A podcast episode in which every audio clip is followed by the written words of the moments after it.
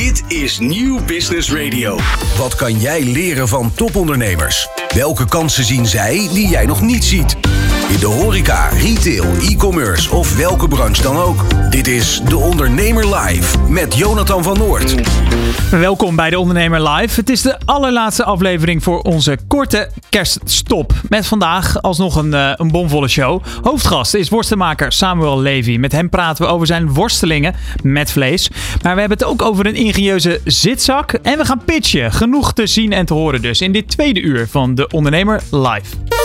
Wat kan jij leren van topondernemers? Welke kansen zien zij die jij nog niet ziet? In de horeca, retail, e-commerce of welke branche dan ook. Elke ondernemer kent dezelfde uitdagingen. In de Ondernemer Live hoor je echte ondernemersverhalen. Elke dinsdag tussen 11 en 1 schuiven topondernemers en experts aan bij Jonathan van Noord op Nieuw Business Radio. Live meekijken kan via deondernemer.nl. We praten nog steeds met Samuel Levy, een worstenmaker van Brand en Levy. Hij schreef onlangs het boek Worstelingen. Daarin uh, onderzoekt Samuel hoe onze vleesconsumptie zo kan zijn doorgeslagen. En of hij als worstenmaker nog wel op het goede spoor zit.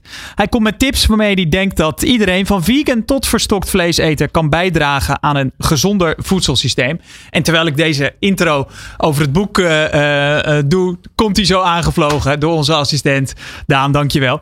Ja, Samuel, boek. Ja, Worstelingen. Ik zei het in het eerste uur al, een fantastische titel. Waarom moest dit boek er komen? Um, ik ben inmiddels uh, twaalf jaar op weg als worstmaker. En tegelijkertijd ben ik ook wel echt een idealist. Dus ik heb uh, me altijd op verschillende manieren ingezet. Ook om na te denken over hoe kunnen we het voedselsysteem beter en gezonder maken. En toen we begonnen, ik vertelde uh, in het vorige stuk dat we in gesprek waren al over het feit dat we in Italië zagen hoe Nederlands varken daar werd geslacht en terug werd verkocht als product op de Nederlandse markt uh, vlees van dieren waarvan ik denk van dat, ja, die kunnen, waarom gaan we op deze manier met dieren om? Um, en dus dat was best wel, toen we begonnen hadden we een soort van missie dat we met beter vlees of goed vlees een mooi product wilden gaan maken. En mensen wilden overtuigen om daarvoor te kiezen. Uh, en dat we, toen we begonnen werden we echt alleen maar bejubeld. Want iedereen zei van ja, het is inderdaad ook belachelijk dat we Nederlandse varkens 24 uur op een, uh, op een, op een transport zetten. En dan, maar door de jaren heen is vlees steeds meer onder het vergrootglas komen te liggen. Uh, en ging mezelf ook wel uh, ja, gewoon de vraag stellen van zitten we nog wel op het goede spoor? Uh, ik hou heel erg, ik ben echt een vleesliefhebber, ik hou van vlees. maar merkte in mijn eigen leven dat ik wel ook minder vlees ben gaan eten. En daar ook bewust mee bezig ben. er is natuurlijk veel te doen rondom vlees. Het gaat over klimaatverandering, over de impact op, op ook gewoon het milieu in, onze lokale omgeving. Het gaat over gezondheid. Het gaat over dierenwelzijn. Uh, het is niet, uh, ja, het, er is gewoon echt veel om te doen. En ik ben een vleesverkoper. Ik maak worst. En dus ik dacht, ja, ik ging mezelf gewoon steeds vaker de vraag stellen van, zit ik op een goede spoor? En ik dacht, dat wil ik echt gewoon een keer uh, goed gaan onderzoeken. En heb daar een half jaar de tijd voor genomen om ja, gewoon te gaan lezen, met mensen te gaan praten. en ook voor mezelf dat op papier te gaan zetten. Ja, want in een eerder gesprek hoorde ik je ook zeggen van ja, dat je eigenlijk bang was. Ben ik misschien wel hoe wij nu kijken naar bijvoorbeeld een tabaksverkoper. Hè? In de jaren 50 zag je doktoren van uh, ik rook alleen maar uh, dit of dit en ja. uh, kijk hoe gezond ik ben. Ja. En dat je eigenlijk bang bent, ja, misschien kijken mijn kinderen wel later naar papa en dan ja, is dat eigenlijk helemaal nat dan wat, ja, wat, ik deed. Klopt, dat was wel een van de grote angsten die ik had. Of heb nog steeds wel waar ik over nadacht. Dat was ook echt een beetje het startpunt voor het boek gelukkig heb ik uh, in, de, in de periode dat ik dat boek ben geschreven, ben ik dat echt anders gaan zien. Um, maar ik denk wel het feit dat we anders vlees moeten gaan eten of minder vlees moeten gaan eten, daar ben ik wel nog meer in gaan geloven. En dat maakt ook wel dat ik denk dat we als Brand nog harder moeten werken om te laten zien van mensen moeten minder vlees eten, moeten anders vlees eten, moeten beter vlees eten. En als Brand moeten we ook initiatieven nemen om uh, misschien alternatieven voor vlees te maken. Ja, wat even kort, uh, waar, ben je in het schrijven zo al achter gekomen? Um, nou, dus vooral gewoon hoe, hoe uh, alledaags vlees is. Um, dus, en, en, dus mensen eten in Nederland zo'n zes keer per week vlees. Uh, en dan ruim 100 gram per dag. Um, we zijn twee keer zoveel vlees gaan eten. eigenlijk in de periode 1950 tot met 1980 of zo. Dus in, in een aantal decennia is die vleesconsumptie echt verdubbeld. Um, en nooit meer gedaald. En nooit meer gedaald. En dat, dat vind ik dus heel interessant. Dat was eigenlijk misschien wel de grootste eye-opener voor me. Is dat ongeveer 50% van de mensen in Nederland zegt dat ze flexitariër zijn. Dat ze minder vlees willen eten. Maar als je naar de vleesconsumptie kijkt, dan is er precies niks veranderd. Dus die is gewoon al decennia lang eigenlijk hetzelfde. Um, dus we zijn er wel mee bezig. We weten dat het anders moet. En het lukt gewoon niet. Terwijl als ik het even op mezelf mag betrekken. Ik eet niet iedere dag vlees. Ik zie in mijn omgeving dat het ook steeds gangbaarder is. Hè? Absoluut niet dat iedereen vega is. Maar laten we zeggen dat je drie, vier keer misschien uh, in een week uh, vlees eet.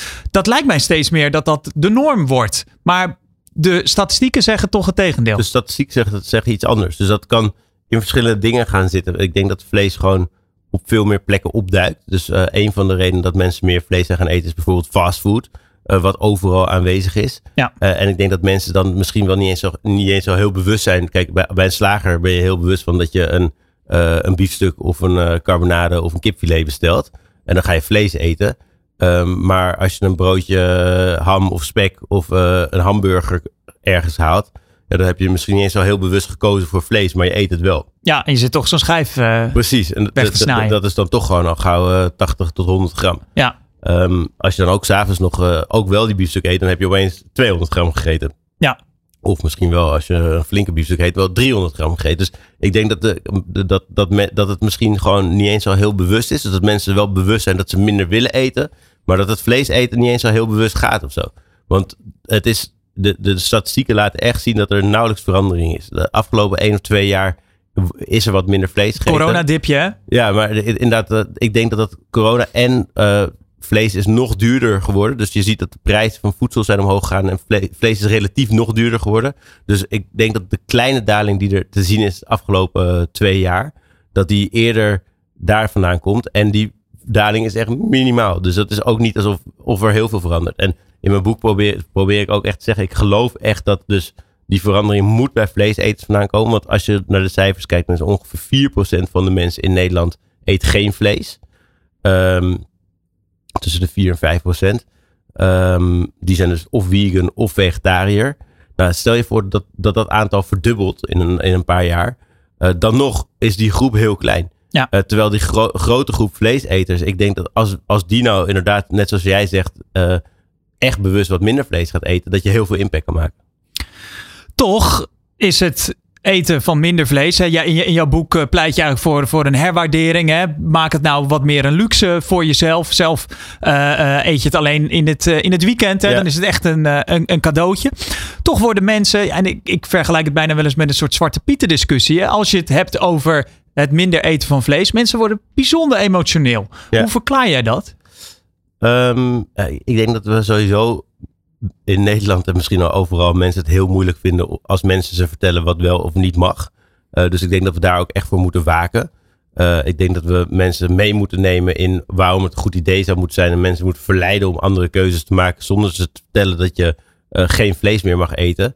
Um, ja, mensen die zien dat gewoon als een verworvenheid. En sowieso als mensen, als je mensen gaat vertellen hoe ze moeten eten, dan worden ze al heel snel heel zagrijnig en heel boos. En daarvan denk ik soms ook wel, ja, daar schieten we soms misschien een beetje in door.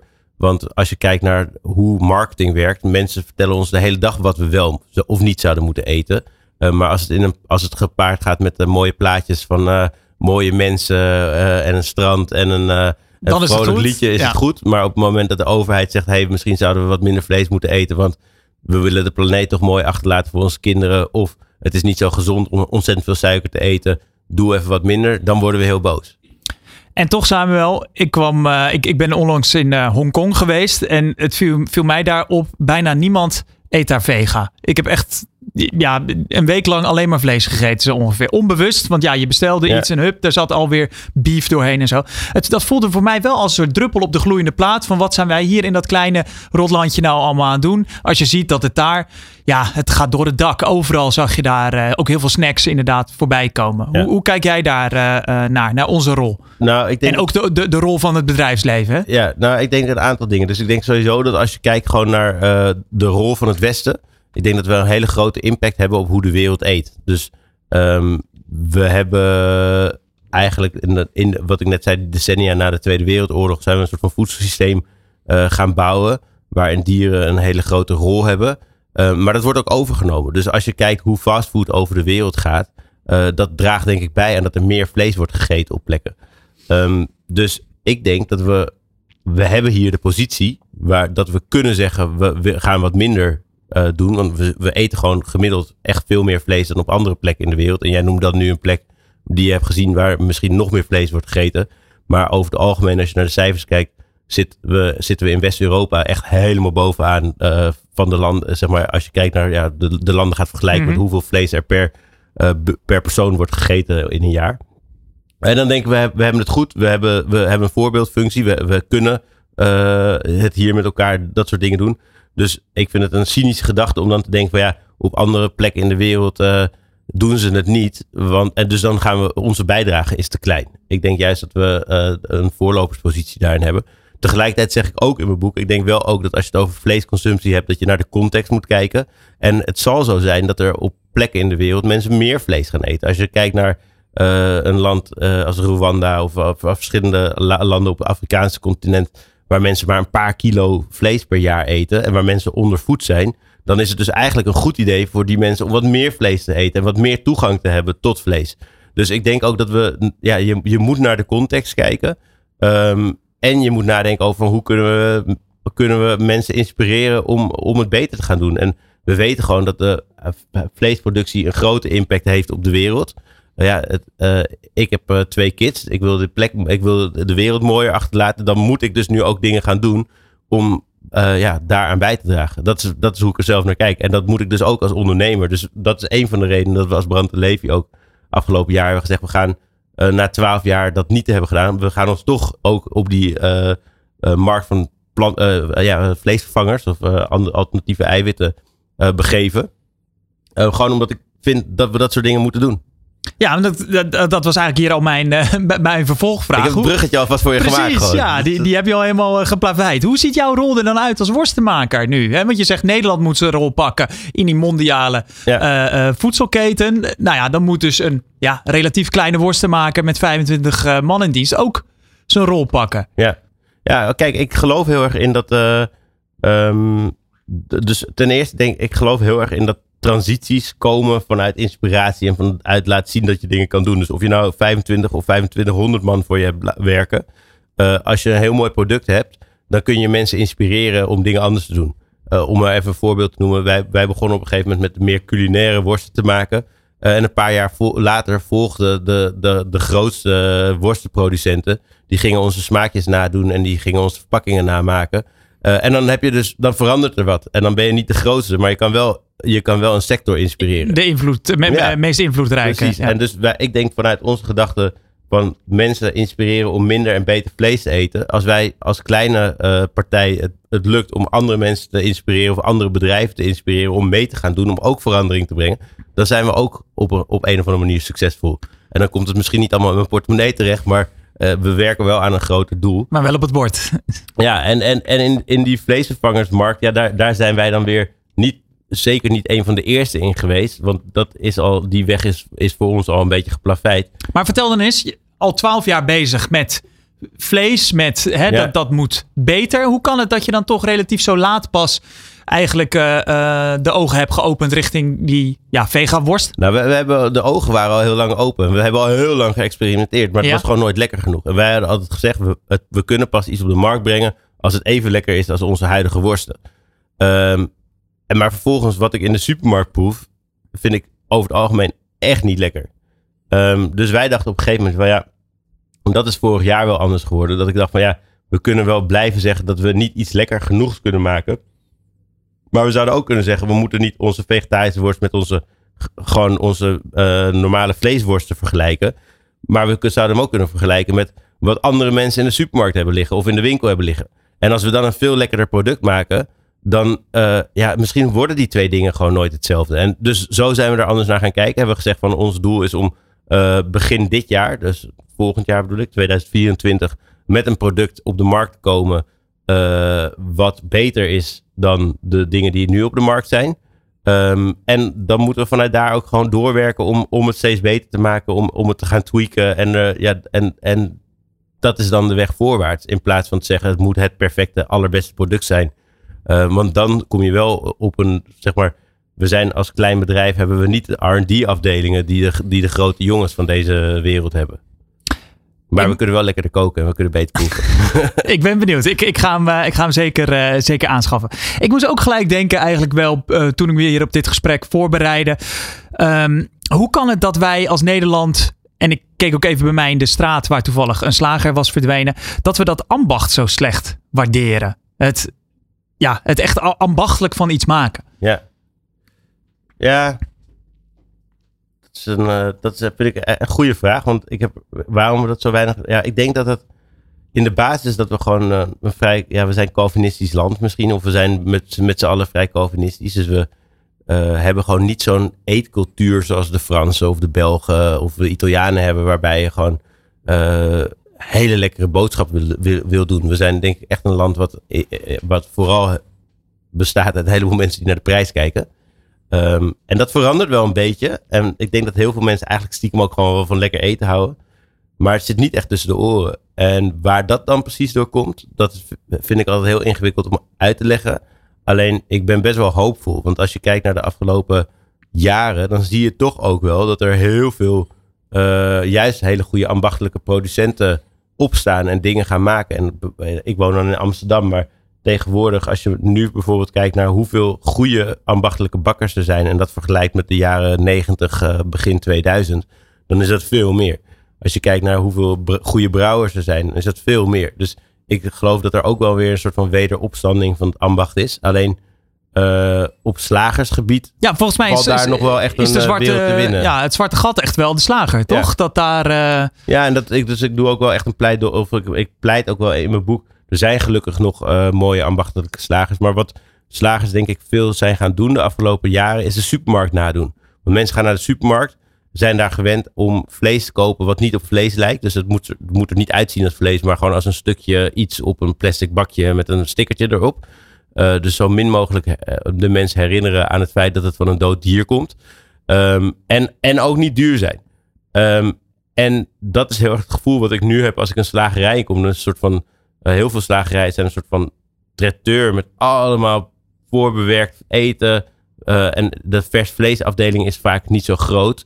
Um, en we zijn heel erg ook prijsbewust. En dat begrijp ik ook. Want ja, als, als dat is wat je het gevoel is wat je mee, dat, je, dat de consument dat wil, dan ga je dat nadoen. Maar ik geloof ook heel erg dat het een soort van zelfversterkend effect heeft.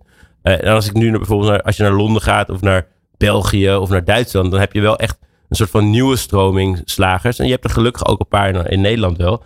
Uh, die wat meer echt weer terug naar het vlees als echt vlees gaan. Die echt gewoon een, goede worstmaker of worstmakerij achter de slagerij hebben. Um, dus dat ambacht komt een klein beetje terug, maar er zit veel minder uh, vaart in dan dat het met bakkerijen bijvoorbeeld het geval is. En ik heb ook het idee dat, uh, want het doet me denken aan, we hadden hier uh, een tijdje terug een groenteman, onwijs, onwijs succesvolle zaak in het, in, in het zuiden van het land. En hij zei, het probleem bij de ambachtelijke groenteman is dat zij veel meer een traiteur zijn geworden. En dan denk je eigenlijk, oh, ik zie daar een, een salade liggen, dus dan zal die krop ijsbergsla bij hem ook wel hartstikke duur zijn. Omdat dat traiteurvak, dat is natuurlijk altijd wat prijziger. En ik heb het idee dat dat bij een slagerij ook al is. Als je al die kant-en-klaar maaltijden daar ziet liggen, ja, dan is je idee van de, van de prijsvoering denk ik ook al een stuk hoger. Terwijl ja, het gehakt bij een slager hoeft niet per se heel veel duurder te zijn. Nee, en, en, dat, maar en ook de focus denk ik ligt op dat traiteurstuk vanuit de slager. Dus op het moment dat ik nu de gemiddelde slager inloop en vraag om een uh, lamshart, dan kijkt hij me waarschijnlijk aan van uh, lamshart, ja, kan, hij waarschijnlijk voor je bestellen, maar wat, wat moet je daarmee? Terwijl lamshart zijn een hartstikke lekker stukje vlees. Maar Nederlanders zijn niet meer gewend om het te eten. Dus het heeft waarschijnlijk ook niet zoveel zin voor die slager om dat meer neer te leggen. Maar de focus ligt er zo erg op dat kant-en-klaar en op, het, uh, om, op, op wat we kennen. Uh, dus de, slager verkoopt veel meer tortillas dan dat hij een lamshart verkoopt. Terwijl ik zou zeggen, bij een slager wil je gewoon, ja, er moet een lam binnenkomen en die heeft een hart, dat wordt verkocht. Maar um, dus gewoon de, de bijzondere stukjes van. Ik vrees dat daar nog wel wat boeken over geschreven moeten worden. Ja, dat is misschien een worsteling. Ja, ja, nee, maar dat is echt. Zover zijn we echt wel ook een beetje van het vlees afkomen te staan. Dus dat we uh, dat soort minder, wat ik net zei, de minder courante delen, die, die worden bijna niet meer gegeten. Um, en ik denk dat. Ik hoop gewoon heel erg dat er op een gegeven moment weer de slagerijen. Uh, meer bijzonder. Dus het gaat, ik noem nu lamshart, maar het kan ook gaan over uh, slager die precies weet waar een bepaald stuk vlees vandaan komt. Heel veel slagerijen die verkopen ook hun vlees gewoon bij de groothandel. Uh, en, dat, en, en ik wil niet zeggen dat daar iets mis mee is. Maar ik denk dat als je als slager echt een rol wil spelen in die eiwittransitie, mensen iets bijzonders wil verkopen, dan is het vet als je kan zeggen: het komt van die boer en ik werk, werk samen met die boer omdat die op die en die manier dieren houdt. En dat zorgt voor het allerlekkerste vlees. Dus dan kom je toch weer terug eigenlijk op dat verhaal vertellen wat jij, waar je het eerder over had. 100%. Ja. Welke rol zie jij voor de horeca? Want we hebben het nu heel erg gehad over de consument. Hè? Uh, ik moet ook even denken aan, ja, je, uh, je hebt een cateringbedrijf gehad. Dus dan kom je al wat meer in die... Uh, en je hebt in de keuken ja. gewerkt. Welke rol zie jij voor de horeca juist in die transitie? nou, ik denk ook de horeca zou veel bewuster kunnen kiezen. En ook beter die verhalen kunnen vertellen. Er zijn heel veel... Ik heb heel veel vrienden die in de horeca werken. En waar de consument natuurlijk, denk ik, thuis wel, wel wat kritischer kijkt naar waar dingen vandaan komen. Denk dat de horeca er nog best wel makkelijk vanaf komt. Uh, Leg eens uit. Nou ja, als je gewoon ergens een ribeye gaat eten, er zijn weinig consumenten die willen weten waar die ribeye vandaan komt. Dus ik, uh, Zuid-Amerika zie je dan staan. Ja, ja, ja. bijvoorbeeld. En ik, uh, vorig jaar las ik een, begin dit jaar las ik een artikel van het NRC die dan had uitgezocht dat ze dat, dat vlees die ribeye voor een goede kans komt dat die van een Braziliaanse bedrijf komt. Waar we eigenlijk met elkaar van hadden afgesproken dat we daar geen vlees meer van gingen kopen. Omdat er jungle voor gekapt is. Um, maar ja, die keten, die, er, is niemand die daar het verhaal vertelt en niemand die er naar vraagt. Dus ik denk dat gewoon de horeca eh, daar ook best wel betere keuzes in kan maken. En ook echt een inspirerende rol kan spelen. Want als je kijkt naar chefs, die zijn steeds meer de, rocksterren van nu, bij wijze van spreken. Dus op het moment dat die keuzes maken, dat die uitleggen waarom ze die keuzes maken. Uh, dan werkt dat gewoon hartstikke inspirerend. En ik denk dat we daarmee de consument ook weer thuis kunnen beïnvloeden. En zie jij dan bijvoorbeeld in het buitenland, eh, ik hoorde je net over Londen bijvoorbeeld uh, het hebben, zie jij in het buitenland voorbeelden waar je van denkt van ah, dat is toch wel tof hoe daar met vlees wordt omgegaan? Um, nou, ik vind dat is een heel, gewoon N is één, maar dat is gewoon één restaurant op Broadway Market, heel een strok, wat overdag een slagerij is. Een heel mooi klein slagerijtje waar ze super mooi vlees verkopen. En waar je dan s'avonds kan je gewoon gaan zitten. En dan wordt er met, het, met hetgeen wat over is, wordt er gewoon voor je gekookt. Dat, dat is waanzinnig. Um, maar ik denk gelukkig ook, uh, er zijn in Nederland ook, zijn er echt zeker chefs die ook duidelijke keuzes maken. En die ook, uh, nou bijvoorbeeld Joris Bijndijk, goede vriend van me, die, uh, die nu Haan op, op het menu heeft. En die ook echt best wel bewust is van, oké, ik kies bepaalde, ik, ik kies voor een bijzondere Gaamse hoen, een bijzondere kip. En vertel het verhaal daarover, want dat is de manier waarop we die Gaamse hoen ook, er is volgens mij nog maar één boer in Nederland die dat houdt uh, waardoor dat in stand blijft. Dus eh, ik wil niet zeggen dat het niet gebeurt, maar het niveau daaronder zou denk ik wel echt een belangrijke ja, rol kunnen spelen als je het hebt over die transitie naar minder en beter vlees. Maar ja, dan denk ik dat daar weer het financiële plaatje nu een rol speelt. Hè? De, de horeca is toch wel de sector waar de klappen vallen. Als je alleen al kijkt naar hier naar de faillissementen. Kan jij daar ook een beetje met de ondernemersblik naar kijken hoe je daar toch een gezonde bedrijfsvoering uit kan halen? Zeker. Kijk, ik denk dat uiteindelijk als je gewoon uh, kijkt naar hoeveel eten er ook nog steeds wordt weggegooid in de horeca. Uh, dat daar dus een hele grote uh, slag te slaan is. Um, ik denk ook dat do door portionering aan te passen je veel kan doen. Dus je kan best vlees blijven serveren. En je kan ook wat meer betalen voor wat beter vlees. Maar misschien moet je dan niet meer 150 gram op een bord willen leggen, maar 100 gram. Maar ja, als je dat dun trancheert en er een mooie garnituur omheen legt, dan gaat er niemand, denk ik, uh, daarover over klagen. Dus ik denk dat je ja, uiteindelijk eh, zal je moeten doorberekenen. Ik denk dat dat ook iets is wat horeca eh, nu nog soms een beetje spannend vindt. Um, ja, uiteindelijk moet het allemaal wel betaald worden. Ja, ja, dat je met je als gierig wordt weggezet als je een, uh, een klein stukje vlees uh, Ja, dat, dat, moet je misschien uitleggen. En dan moet je, uh, maar je, je, kan denk ik tegenwoordig daar prima mee wegkomen, zolang je wel een mooi gerecht serveert. Dus het, het hoeft niet alleen maar het stuk vlees op het bord te zijn. Waar raak jij nou door, uh, door geïnspireerd? Als je dan toch uh, het, het, het, boek in het achterhoofd hebt? Um, nou, ik, wat ik vet vind is dat er, als ik nu vooral naar die primaire kant kijk, dat er best wel wat aantal, een aantal jonge boeren zijn die ik ook heb gesproken, die het anders proberen te doen. Dus die toch kijken van hoe kunnen we dieren meer, weer meer een multifunctionele rol in een landbouwsysteem geven. Dus hoe kunnen we de varkens op reststromen voeren? Hoe kunnen we die laten grazen in natuurgebieden? Um, dat vind ik heel vet. Uh, er zijn gelukkig ook een aantal slagers die het anders aanpakken. Die gewoon uh, toch weer meer laten zien dat vlees echt van dieren komt. En dat, dat ja, die link leggen naar de consument. Ehm, dus het is niet zo dat ik met de pakken neerzit. Um, en dat zijn de mensen die me inspireren.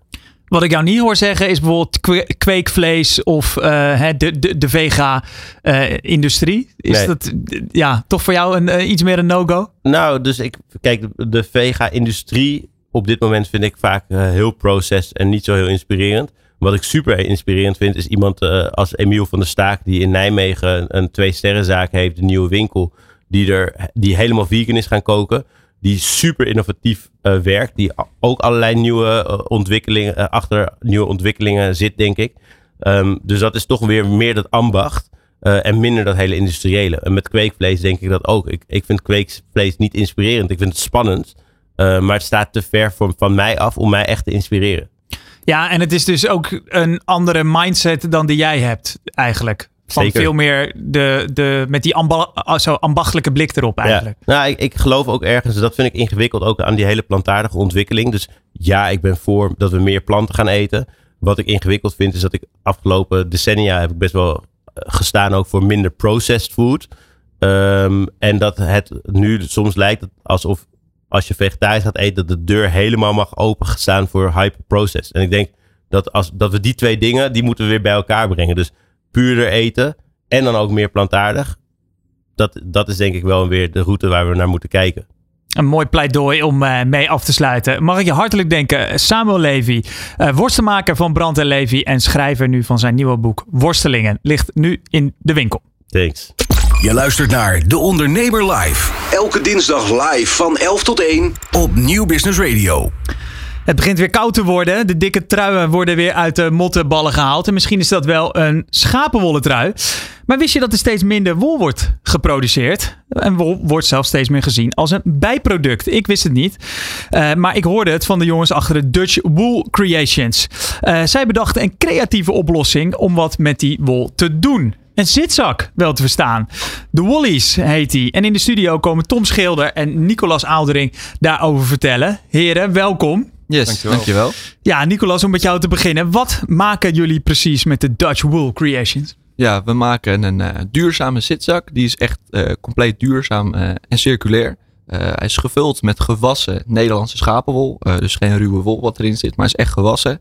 en daaromheen zit een gerecyclede hoes van gerecycled polyester. dus het is echt volledig duurzaam ontwikkeld. Hij is ook zelf ontworpen en lokaal geproduceerd. Ja, het liefst had ik het uh, interview even vanuit, uh, vanuit de zitzak uh, willen ja. doen. Want dan, dan hadden we gelijk even de proef op de som kunnen nemen. Maar leg eens uit, um, hoe, hoe, zijn jullie hier opgekomen? Want ik vertelde net in de intro, hè, wol wordt steeds meer gezien als bijproduct. Mm -hmm. Hoe kwamen jullie aan die informatie? Ja, nou wij studeren alle drie technische architectuur. Want alle drie, even voor de duidelijkheid. Ja, onze derde kampioen is hier ook, maar uh, we doen het woord met z'n tweeën. Ja. Uh, maar we studeren alle drie technisch architectuur. En dan zijn we eigenlijk vooral veel bezig met uh, materialen toepassen en onderzoek doen naar materialen. en toen zijn we ook bij het materiaal schapenwol gekomen.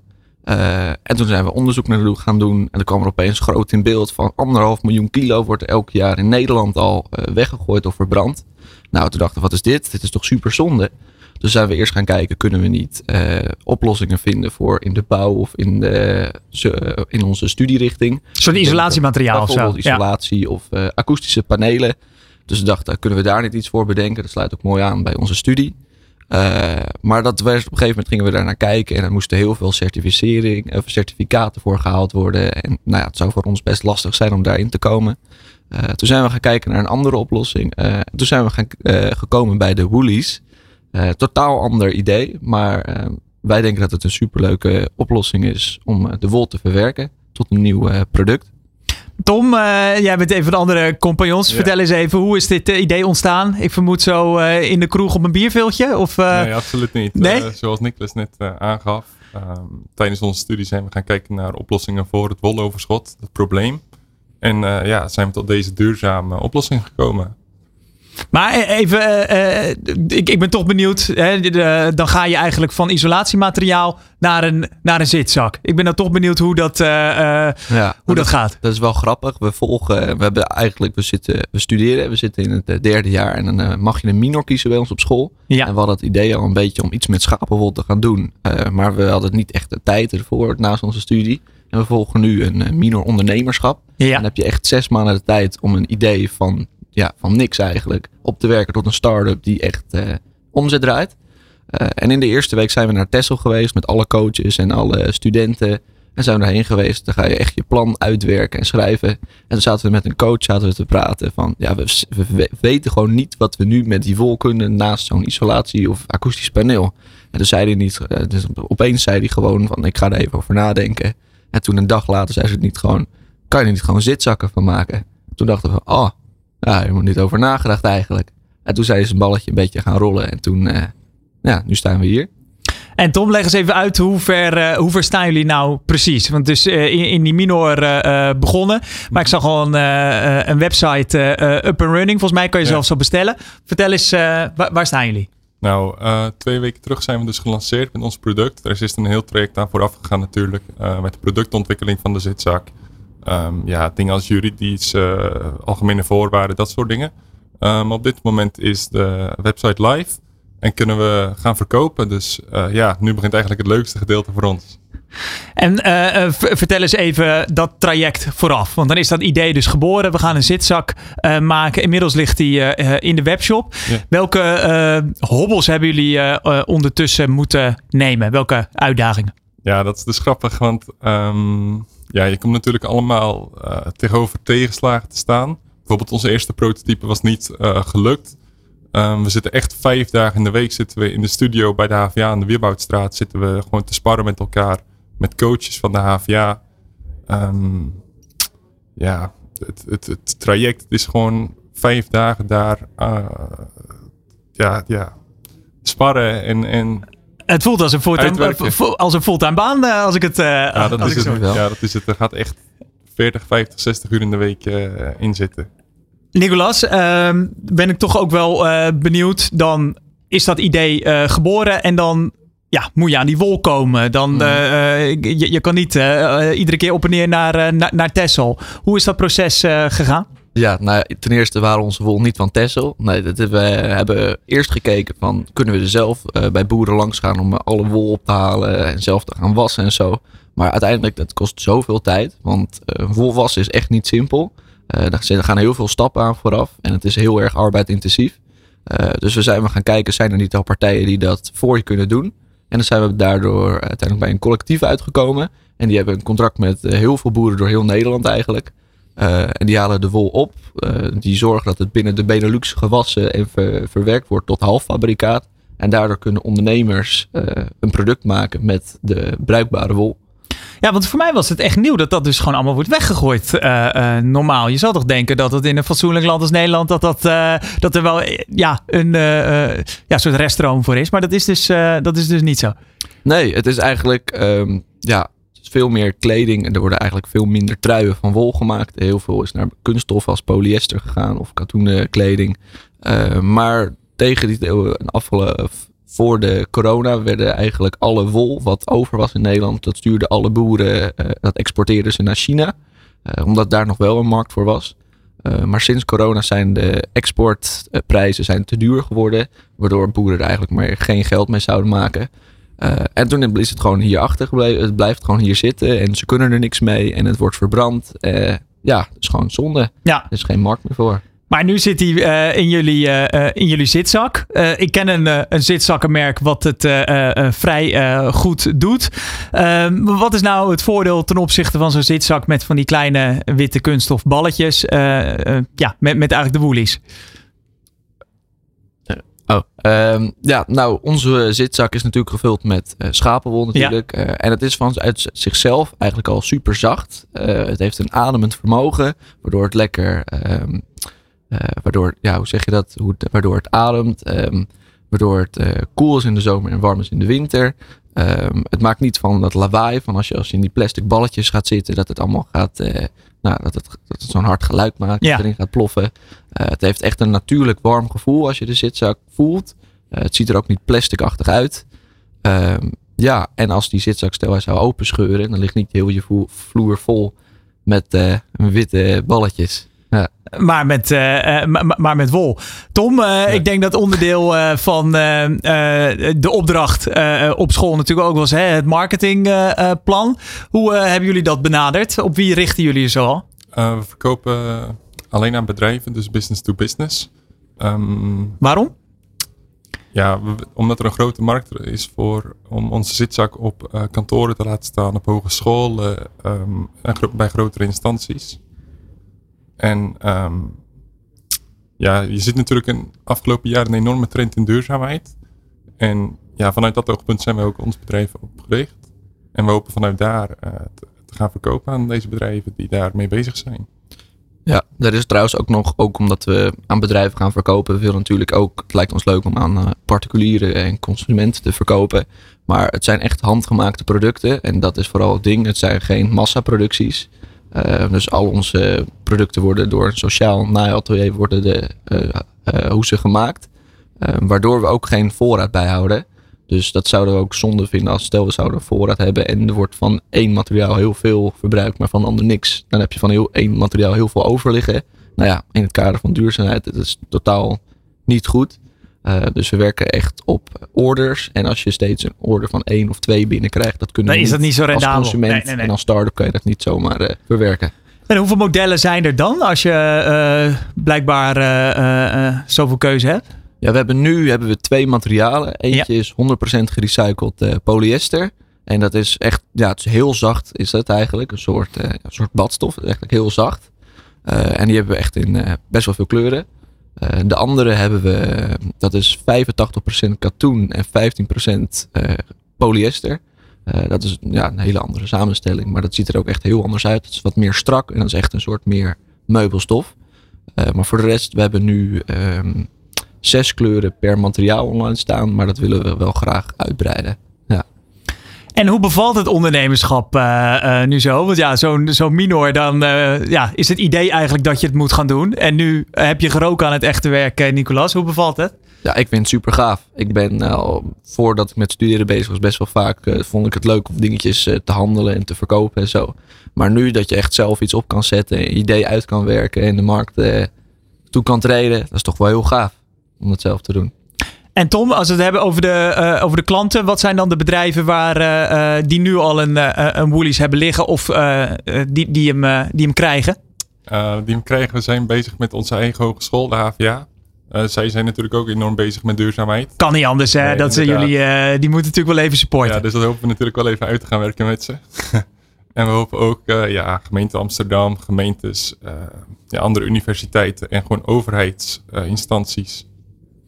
En eh, dan ben ik toch wel benieuwd, wat, eh, wat kost die? Want het, eh, het klinkt wel, hè? duurzaamheid, daar leg je altijd wel wat, wat extra voor neer. Me- merk je dat hier ook in de portemonnee of valt dat mee? We merken het wel. ehm, hij kost 595 euro, ehm, inclusief BTW, voor bedrijven. En dat komt voornamelijk omdat het wol... Kijk, het is natuurlijk een restproduct, maar het moet schoongemaakt worden. En ja, dat is een heel arbeidsintensief proces. En ja, daar, gaat, daar gaat veel, gaan veel kosten in zitten. Ehm, en we werken natuurlijk ook met duurzame stoffen. Die zijn natuurlijk ook eh, ja, waarschijnlijk duurder dan eh, ja, normale stoffen. Ja. Dus Nicolas, eh, het bedrijf heet Dutch Wool Creations. Dus dat eh, eh, klinkt alsof er ja, meer creaties worden gemaakt dan, dan alleen de zitzak. Wat hebben jullie allemaal op het oog? Welke ambities zijn er voor jullie? Ja, we hebben natuurlijk voor een algemene naam gekozen, omdat we niet alleen bij een zitzak willen laten.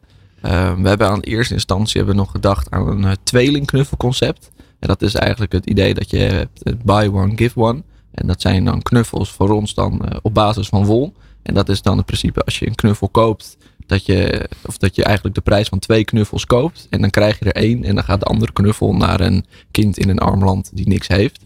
Uh, dus dat lijkt ons wel een uh, leuk concept om uit te werken. Voor de rest hebben we ook nog een, uh, een, stilte, een stiltestoel hebben we. Die ons leuk lijkt met een soort volle akoestische werking. Eh, maar we denken ook aan. Ja, er zijn zoveel creatieve dingen die je met wol kan doen. Dus ze zitten vooral nog. zitten nu echt gewoon vol te focussen op die zitzak. En allemaal opties die je eraan kan verwerken. Ehm, maar er komt, er komt nog genoeg aan. Ja, En de reactie vanuit eh, de docenten? ja gaaf. Ja, ook dat we nu hier mogen zijn. En dat we eh, gewoon. Ja, ik weet niet hoe je zeg je dat. Dat je gewoon bij bedrijven langs gaat op gesprek. En dat het allemaal tot nu toe allemaal goed gaat. Eh, wel, veel tegen, wel wat tegenslagen gehad. Maar het is gewoon ja, super gaaf. Uiteindelijk die tegenslagen wel weer Ja, overgekomen. Ja. Kijk, Het dat, zijn, eh, het zijn allemaal eigenlijk zelf ook ondernemers. Die zelf in variërende sectoren onderneming hebben. Dus zij weten, hebben ook, eh, ja, kijk op alle aspecten van het ondernemen. Dus eh, ja, docenten slash zelf eigen ondernemers. ik wil afsluiten met de woorden, dat zit wel goed. De pitch. Ben jij degene met een briljant idee en ben je op zoek naar funding of een investeerder? Dit is De Ondernemer Pitch. Maak jouw plan wereldkundig binnen één minuut. Ja, met nog een kwartiertje te gaan van de ondernemer live moet er natuurlijk ook nog wel gepitcht worden. Want wekelijks krijgt een ondernemer met een hemelbestormend idee die op zoek is naar funding de kans om zijn bedrijf en zichzelf onder de aandacht te brengen. Er is één regel, de pitch duurt één minuut. Bij ons aangeschoven is Peter Verbeek. Hij wil dat jongeren meer gaan bewegen en heeft daarvoor een ingenieuze oplossing. Maar daar is wel geld voor nodig. Peter heeft daarom één minuut om zijn idee te pitchen. De pitch.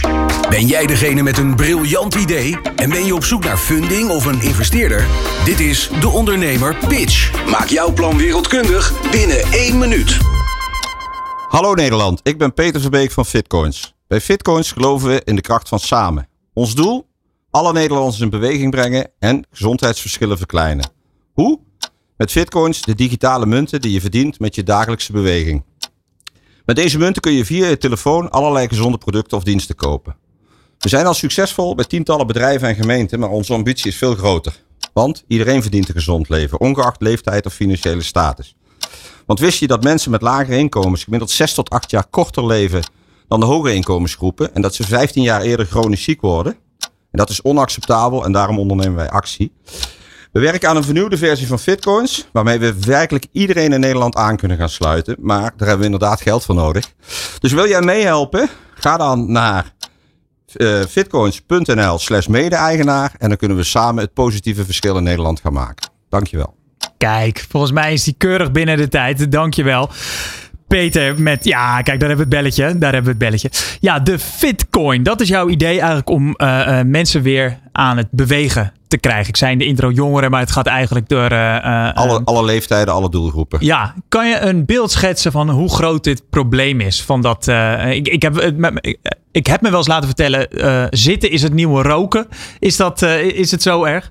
Ja, we zijn Europees kampioen zitten. Dus, eh, laten we gewoon ook even gaan staan. Ja, laten we gaan staan, hè? Want als we ja. hier blijven zitten. Nee, we zijn Europees kampioen zitten. Eh, we zitten gemiddeld 9 uur per dag. En als je in de dienstensector werkt, of zoals jullie, dan zit je al gauw 11, 12 uur per dag. En dat kun je eigenlijk niet compenseren met een uur per dag sporten zelfs. En ja, dat probleem wordt steeds groter. En ook inderdaad bij jongeren, eh, maar ook bij, eh, bij lage inkomensgroepen zie je dat probleem nog veel groter zijn. Omdat er ook nog andere pro- problematiek speelt. Dus, dus dan is de zin om, bewegen, om te gaan bewegen is, is, is laag. Ehm, en dan kwam jij op dat idee van die Fitcoin. Kan nou, dat... een kleine correctie. Ik, ik eh, ben operationeel verantwoordelijk. Mijn, mijn compagnon René Silros, die heeft het idee al in 2011, 2014, ik weet niet precies in die tijd al, als een soort gimmick bedacht. En is eigenlijk nu doorontwikkeld tot dit platform waar we nu staan, inderdaad. Ja. En eh, eh, kan je dan kort even schetsen eigenlijk van eh, hoe dat idee is ontstaan en waar jullie dan nu zijn eigenlijk? Ja, we, we zijn eigenlijk begonnen in de zakelijke markt. Dus we hebben eigenlijk gewoon, onze klanten zijn eigenlijk gewoon bedrijven die het platform afnemen voor hun medewerkers. Nou, dat is, werkt hartstikke goed. We hebben tientallen klanten van, van heel hoog, eh, eh, hoog, hoog Deloitte als, als klant, maar ook een sociale werkvoorziening en alles wat ertussen zit.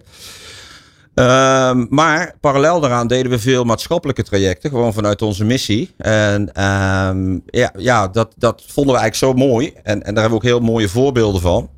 Maar dat bleek eigenlijk de afgelopen jaren steeds meer zich te ontwikkelen tot een markt. Eh, omdat we zagen dat met name de overheid ook best wel met zijn handen in het haar zit. Van hoe gaan we Nederland nou aan het bewegen krijgen? Want slechts 40% of zo voldoet aan de beweegnorm. En dat is dan nog een vragenlijst die ze zelf ingevuld hebben. Dus ik denk dat het in feite nog een stuk lager ligt. Ja, ga kijken naar jezelf. Hè. Als je, je je dagindeling, je stapt in je auto naar je werk. Je gaat naar je werk, je zit heel de dag. Je rijdt weer in je auto naar huis. En dan zit je 2.000, 3.000 stappen. Ja, dat is funest voor je gezondheid natuurlijk. Ja. En hoe werken dan die fitcoins? Want dan, dan krijg je eigenlijk een beloning voor Ja, het bewegen. Nou, je, je, je krijgt je fitcoins voor je dagelijkse beloning op je telefoon. Dus je telefoon is altijd gekoppeld aan een stappenteller. Of in je telefoon zelf of een externe stappenteller, dat kan. Ehm, die worden omgezet in die punten. En die punten, eh, daar, daar, daar hoort een bepaalde catalogus bij. Afhankelijk van waar je werkt of waar je woont, is dat te differentiëren, zou ik maar zeggen. En leg eens uit, wat dan, eh, wie, wie, eh, bepaalt die catalogen? Ehm, in dit geval van een bedrijf, het bedrijf Ja. zelf. Ja. Ja, dat is een goede vraag trouwens. Want bij bedrijf, kijk, een bedrijf is voor ons super simpel. Dat, ik bedoel, die nemen het af, die hebben budget, die betalen, dat is een doelgroep. Nou, eh, wij doen het werk. En, en, maar als je gaat kijken naar een ecosysteem in een stad, dan heb je te maken met, met heel veel stakeholders, met, eh, met de gemeente, met de buurtsportcoaches, de GGD. En het probleem is daar altijd, iedereen vindt het fantastisch, maar wie gaat betalen? Ja. Hè, dus, ehm, en wij hebben dat altijd vanuit onze missie gedaan. Maar we hebben, op een gegeven moment zijn we met de gemeente Eindhoven in gesprek geraakt. Of ik ben met de gemeente Eindhoven in gesprek geraakt. Ik had er vier, vijf sociale trajecten lopen. Heb ik eigenlijk gewoon gezegd, jongens, wat gaan we doen? Gaan we het goed doen? Gaan we pappen en nat houden? Of, eh, of, of dan, dan, dan stop ik ermee. Of gaan we echt investeren? Nou, toen hebben ze gezegd, we gaan erin investeren. En dat heeft eigenlijk geleid tot die nieuwe propositie waarin we nu zitten. Waarin we een platform aan het bouwen zijn wat ja, veel toegankelijker is, veel meer geautomatiseerd, heel veel handwerk uitgehaald, waardoor we ook echt op kunnen schalen naar steden, naar regio's, zelf naar heel Nederland. Want enerzijds focussen jullie dus eigenlijk op bedrijven. Ja. Die het dus af kunnen nemen. En die hebben dus dan een, eh, ja, eigenlijk een soort prijzenpakket zelf samengesteld. Bij een eh, eh, x aantal fitcoins. En anderzijds eh, ehm, eh, focussen jullie dus op de overheden. En hoe ziet daar het ja, verdienmodel dan eigenlijk uit vanuit de fitcoin bedoel ik dan? Ja, nou wat we, ook daar zou je kunnen denken aan platformkosten. Hè? Alleen die liggen natuurlijk een hele fractie lager dan bij bedrijven. Maar wat we eigenlijk nu aan het bouwen zijn, we hebben eigenlijk een stabiel bedrijf. Dat is echt puur gericht zakelijk en op, op medewerkers. Het tweede wat nu komt is eigenlijk gericht op inkomen eh, of op eh, burgers met een kleine portemonnee. Dat zijn ook nog wel betaalde trajecten vanuit Gala-akkoord bijvoorbeeld. Eh, Mhm. Gala, als je daar wil weten wat het is, zal ik het uitleggen. Ehm, maar waar we eigenlijk naartoe willen, of waar we naartoe aan het gaan zijn, is een soort loyaliteitsprogramma. Ook voor retailers, dat ook retailers hun, hun rol kunnen gaan pakken. Dat moet je even uitleggen. Ja, nou ja, je kent Airmiles. Ja. Nou, je zou ook kunnen zeggen, Fitcoins zijn de Airmiles voor een gezonder leven. Kijk, als een retailer een gezonde aankoop gaat belonen met Fitcoins. En hij betaalt daar een bepaald bedrag voor en krijgt er ongeveer hetzelfde bedrag voor terug. Maar een klein beetje minder natuurlijk om het systeem in de lucht te houden.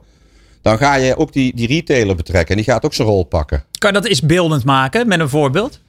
Ehm, ja, dat is waar we naartoe gaan. Hè? Kijk, Ja. eh, dus, dus nou ja, je, kan, je kan je voorstellen als eh, de groenteboer zegt: joh, bij iedere aankoop krijg jij bij mij een Fitcoin. En die Fitcoin kun je weer bij ons gaan besteden voor herhalingsaankopen. Nou, zo simpel is die eigenlijk. En eh, dat, is waar we nu, dat is eigenlijk waar we nu die funding voor vragen. We zijn dat platform zijn we aan het, aan het bouwen. Het nieuwe platform, of in ieder geval een nieuwe app- applicatie op een platform. Ehm, het voordeel daarvan is dat we anonieme accounts kunnen, kunnen genereren. Dus je hoeft niet meer je naam en, en alles weg te geven. Maar je bent, je bent zelf de beheerder van jouw data. Dat is ook, dat is ook best wel uniek. Ehm, en nog iets unieks is, we, we hebben nu bijvoorbeeld ehm, landelijk hebben wij die beloningen altijd moeten doen met hele grote partijen. Want die hebben het aan de achterkant goed afgeregeld. Want ja, je kan niet al die handling hebben. Want eh, aan, eh, aan welk bedrijf moet ik dan, Dan denken? moet je denken aan bol.com, Decathlon, dat Ja, soort. ja. Die hebben dat aan de achterkant goed geregeld via Intersolve, is een koppeling. Maar eh, we hebben nu een partij gevonden die datzelfde kan voor de lokale economie. Kijk, wij hebben, ik zeg al jaren, ik zou veel liever dat geld uitgeven aan een lokale ondernemer. Alleen, ja, die wil dat niet. Het is allemaal gedoe. Die wil geen, eh, hè, dus die wil Ja. eigenlijk zo min mogelijk vast hebben. Maar nu krijg je daar eigenlijk een soort lokale VVV-bon. Die eigenlijk op dezelfde manier gekoppeld is aan Intersolve. Die gewoon gescand wordt bij de kassa. Dus Piet spaart bitcoins. Die zegt ik kies voor de bon van de lokale groenteboer. De lokale groenteboer scant de bon. En krijgt gewoon aan het einde van de maand zijn geld overgemaakt. En wat is het geluid wat jij vanuit die retail eh, ontvangt bij, eh, bij dit idee? Ehm, positief in dit geval. Ja. Eh, maar ook, het was best wel lastig. Dat merkte ik ook. is in die sociale trajecten was het heel moeilijk om te groeien. Omdat je dan die retailers of een kleine ondernemer mee moet krijgen. En die wil gewoon geen gedoe. Ja. Dus ik heb wel ondernemers gevonden, maar er waren echt de early adapters. He, die waren mensen die echt nog bereid waren. Dan kwam je met een uitgeprint e-mailtje, kwam je bij de Philips fruittuin en dan kreeg je je kilootje appels. Ja, ja, ja. Super schattig natuurlijk, maar niet schaalbaar. Nee. Maar daar zijn we dus nu vanaf. Dus je gaat nu dadelijk, we hebben een traject in Helmond, eh, super sociaal heet dat. Eh daar hebben alle minima hebben een account gekregen in Helmond en die kunnen daar een groente en fruit mee afrekenen. Dat gaat nu nog, dat ze echt daadwerkelijk een komkommer weg moeten swipen. Dadelijk sparen ze gewoon voor een digitale cadeaukaart van Super Sociaal, waar ze gewoon met de kassa mee af kunnen rekenen. Dus dat gaat heel veel werk besparen. En dat is voor die ondernemer natuurlijk veel interessanter om daaraan deel te nemen. Want het is eigenlijk gewoon, ja, net, net als dat hij meedoet met een, met een eigen cadeaukaart of een Ja. VVV-bon. Klinkt wel alsof er een behoorlijke investering al aan vooraf is eh, gegaan om dit eh, eh, Eens, eens. op te zetten. En dat wil je nu terugverdienen middels een crowdfunding. Nou, nee, dat valt wel mee. Kijk, we zijn niet eens op zoek naar heel veel geld. Dat is, dat is eigenlijk best wel de grap. We hebben natuurlijk een stabiel bedrijf. Dus Wat heb je nodig? We hadden ge- gezegd 175, tussen de 175 en de 250k. We zitten nu op 65, dus we kunnen nog wel een impulsje gebruiken. Dus we zijn ook heel blij met deze uitnodiging uiteraard. Maar ehm, ja, dat is eigenlijk voldoende. We hebben al een x-aantal sprints. Hè. We hebben een positieve cashflow. Dus, dus ja, we zijn al eigenlijk aan het bouwen. We zijn al halverwege. Ja, we hebben gewoon nog een aantal sprints nodig. En dan kunnen we eigenlijk de eerste ja, versie alweer lanceren. En altijd mijn idee van ondernemen is eerst lanceren, leren. En dan weer opnieuw geld ophalen. In plaats van meteen een miljoen op willen halen. En dan ga je alleen maar duurder uit eten, grotere auto's rijden. En eh, kijk, nu halen we zelf nog broodjes, hè? Ja, precies, precies. Wel broodje gezond neem ik aan dan. Broodje gezond. Ja. Ehm, waarom crowdfunding? Eh, ja, we, de sharefunding, hè? Dus we, Ja. Geven, ja, we geven aandelen uit. Ehm, nou, we vinden het gewoon een chic idee. Omdat we, we hebben natuurlijk, we hebben ook wel wat andere aandeelhouders en we hebben ook wel wat leningen. Nou, banken is op dit moment natuurlijk een drama. Dat zullen jullie ook wel weten. Ja. Ja, dus, dus dat, dat gaat hem niet worden. Ehm, en we vinden het eigenlijk wel chic dat iedere Nederlander, eigenlijk, we willen Fitcoins naar, naar Nederland brengen. Dat iedere Nederlander ook gewoon vanaf 90 euro kun je al meedoen. Ehm, nou ja, en dat maakt het volgens mij heel aantrekkelijk om ook gewoon als kerstcadeautje bijvoorbeeld een aandeeltje Fitcoins mee te doen en daarbij betrokken te zijn. We willen ook veel meer Fitcoin fans gaan creëren. Dus we gaan daar ook, eh, ze krijgen de testversie. Misschien krijgen ze wel Fitcoin sokjes, Fitcoin wandelsokjes. We weten het nog niet, maar we willen wel veel meer met die crowd gaan doen. In plaats van alleen maar met grote investeerders. Ik kende het idee al wel een beetje, maar het was echt een beetje. Hoe ga je ervoor zorgen dat dit echt landelijk uitgerold gaat worden? En ook ja, eh, dat het, eh, eh, het woord verkondigd wordt Ja. van de Bitcoin. Nou, we hebben, we hebben natuurlijk de bedrijven. Dus dat, dat loopt gewoon door. We hebben dadelijk de, de minima. Daar hebben we contacten met heel veel steden. We hebben ook een, een aanmoedigingsbedrag gekregen vanuit Sport Innovator. Die ons daar heel erg mee helpen. Dat is een organisatie vanuit VWS. En uiteindelijk zal het denk ik gewoon zichzelf gaan verkopen. Omdat als, jij, als mensen een voordeel kunnen behalen, zijn ze er vaak wel bij. En ik denk dat we daar naartoe gaan groeien. Hoe kunnen mensen zich melden? Hè? Misschien wel ook wel ondernemers die, eh, die zitten te luisteren of te kijken. Die denken, hier wil ik in investeren. Ehm, nou, als het ondernemers zijn die willen investeren, dan zou ik ze aanraden om gewoon zich bij mij te melden. Kunnen ze ook gewoon op, op onze web- website vinden, fitcoins.nl. En als het gewoon de crowd is, dan zou ik ook zeggen, ja, ga naar diezelfde website, kijk op mede-eigenaar. En daar kun je je- jezelf aanmelden. Ja, je gaat dan door naar N-Exchange, dus kennen jullie misschien wel. Ja. Platform waar je dan eh, kunt investeren. Daar moet je wel even een account aanmaken, maar daar stelt ook niet zoveel voor. En dan ben je mede-eigenaar. Duidelijk verhaal. Mag ik je hartelijk danken voor je pitch. Peter Verbeek van Fitcoins. Je luistert naar De Ondernemer Live. Elke dinsdag live van 11 tot 1 met Jonathan van Noord op Nieuw Business Radio. Het vloog wederom voorbij. De eerste twee uurtjes van de Ondernemer Live. Maar als je nu aan het luisteren of aan het kijken bent en je denkt, ik heb er nog geen genoeg van gekregen, blijf dan vooral hangen. Want Roland Tameling staat te trappelen om eh, aan de slag te gaan met de ondernemer onderweg. Een uur lang het laatste nieuws over ondernemerschap en mobiliteit. Blijf dus vooral hangen. Wat kan jij leren van topondernemers? Welke kansen zien zij die jij nog niet ziet? In de horeca, retail, e-commerce of welke branche dan ook. Elke ondernemer kent dezelfde uitdagingen. In de Ondernemer Live hoor je echte ondernemersverhalen. Elke dinsdag tussen 11 en 1 schuiven topondernemers en experts aan bij Jonathan van Noord op Nieuw Business Radio. Live meekijken kan via deondernemer.nl.